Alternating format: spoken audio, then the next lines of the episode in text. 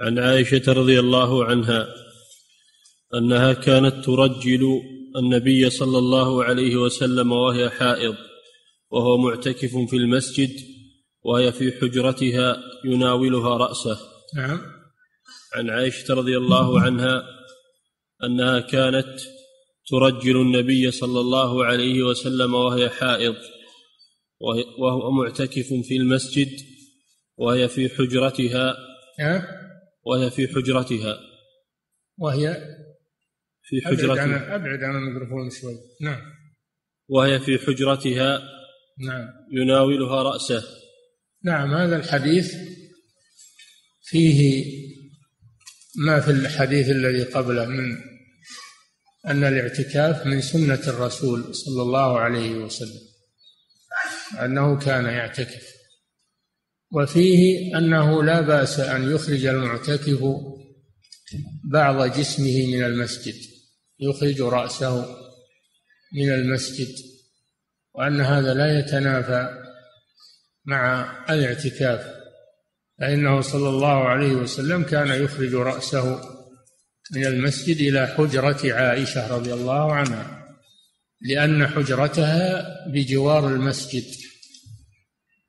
وفيه مشروعية ترجيل الرأس وهو تسريحه ودهنه.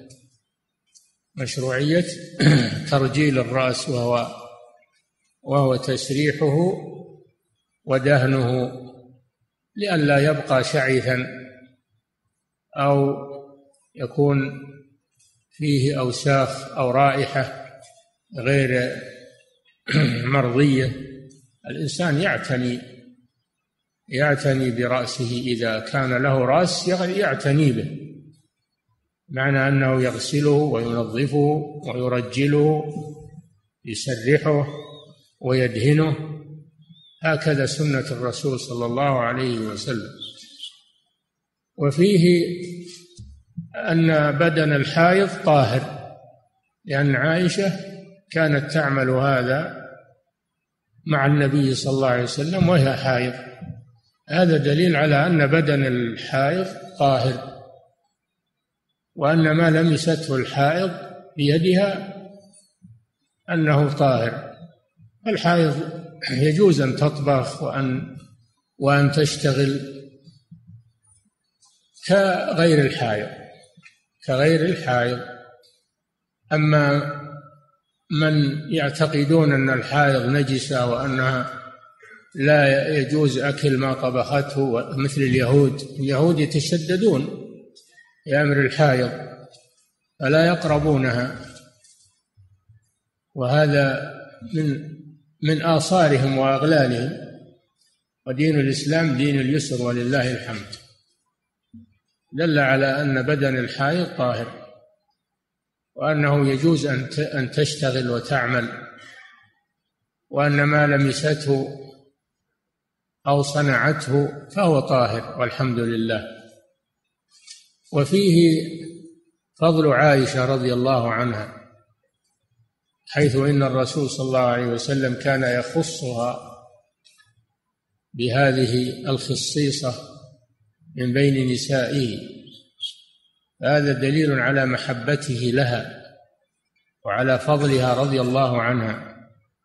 نعم. وفي رواية وفي رواية وكان لا يدخل البيت إلا لحاجة الإنسان. نعم هذا فيه دليل على أن المعتكف يبقى في معتكفه يبقى في معتكفه ليلا ونهارا ولا يخرج إلا لما لا بد منه كقضاء الحاجة والوضوء بقدر الحاجة ثم يرجع. نعم. وفي رواية أن عائشة قالت إني كنت لا أدخل البيت للحاجة والمريض فيه فما أسأل عنه إلا وأنا مارة.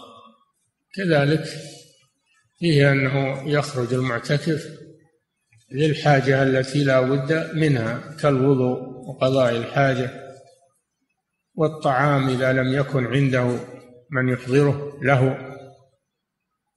وعيادة المريض بشرط أن لا يجلس عنده وإنما يمر عليه ويسأل عنه وهو ماشي. نعم.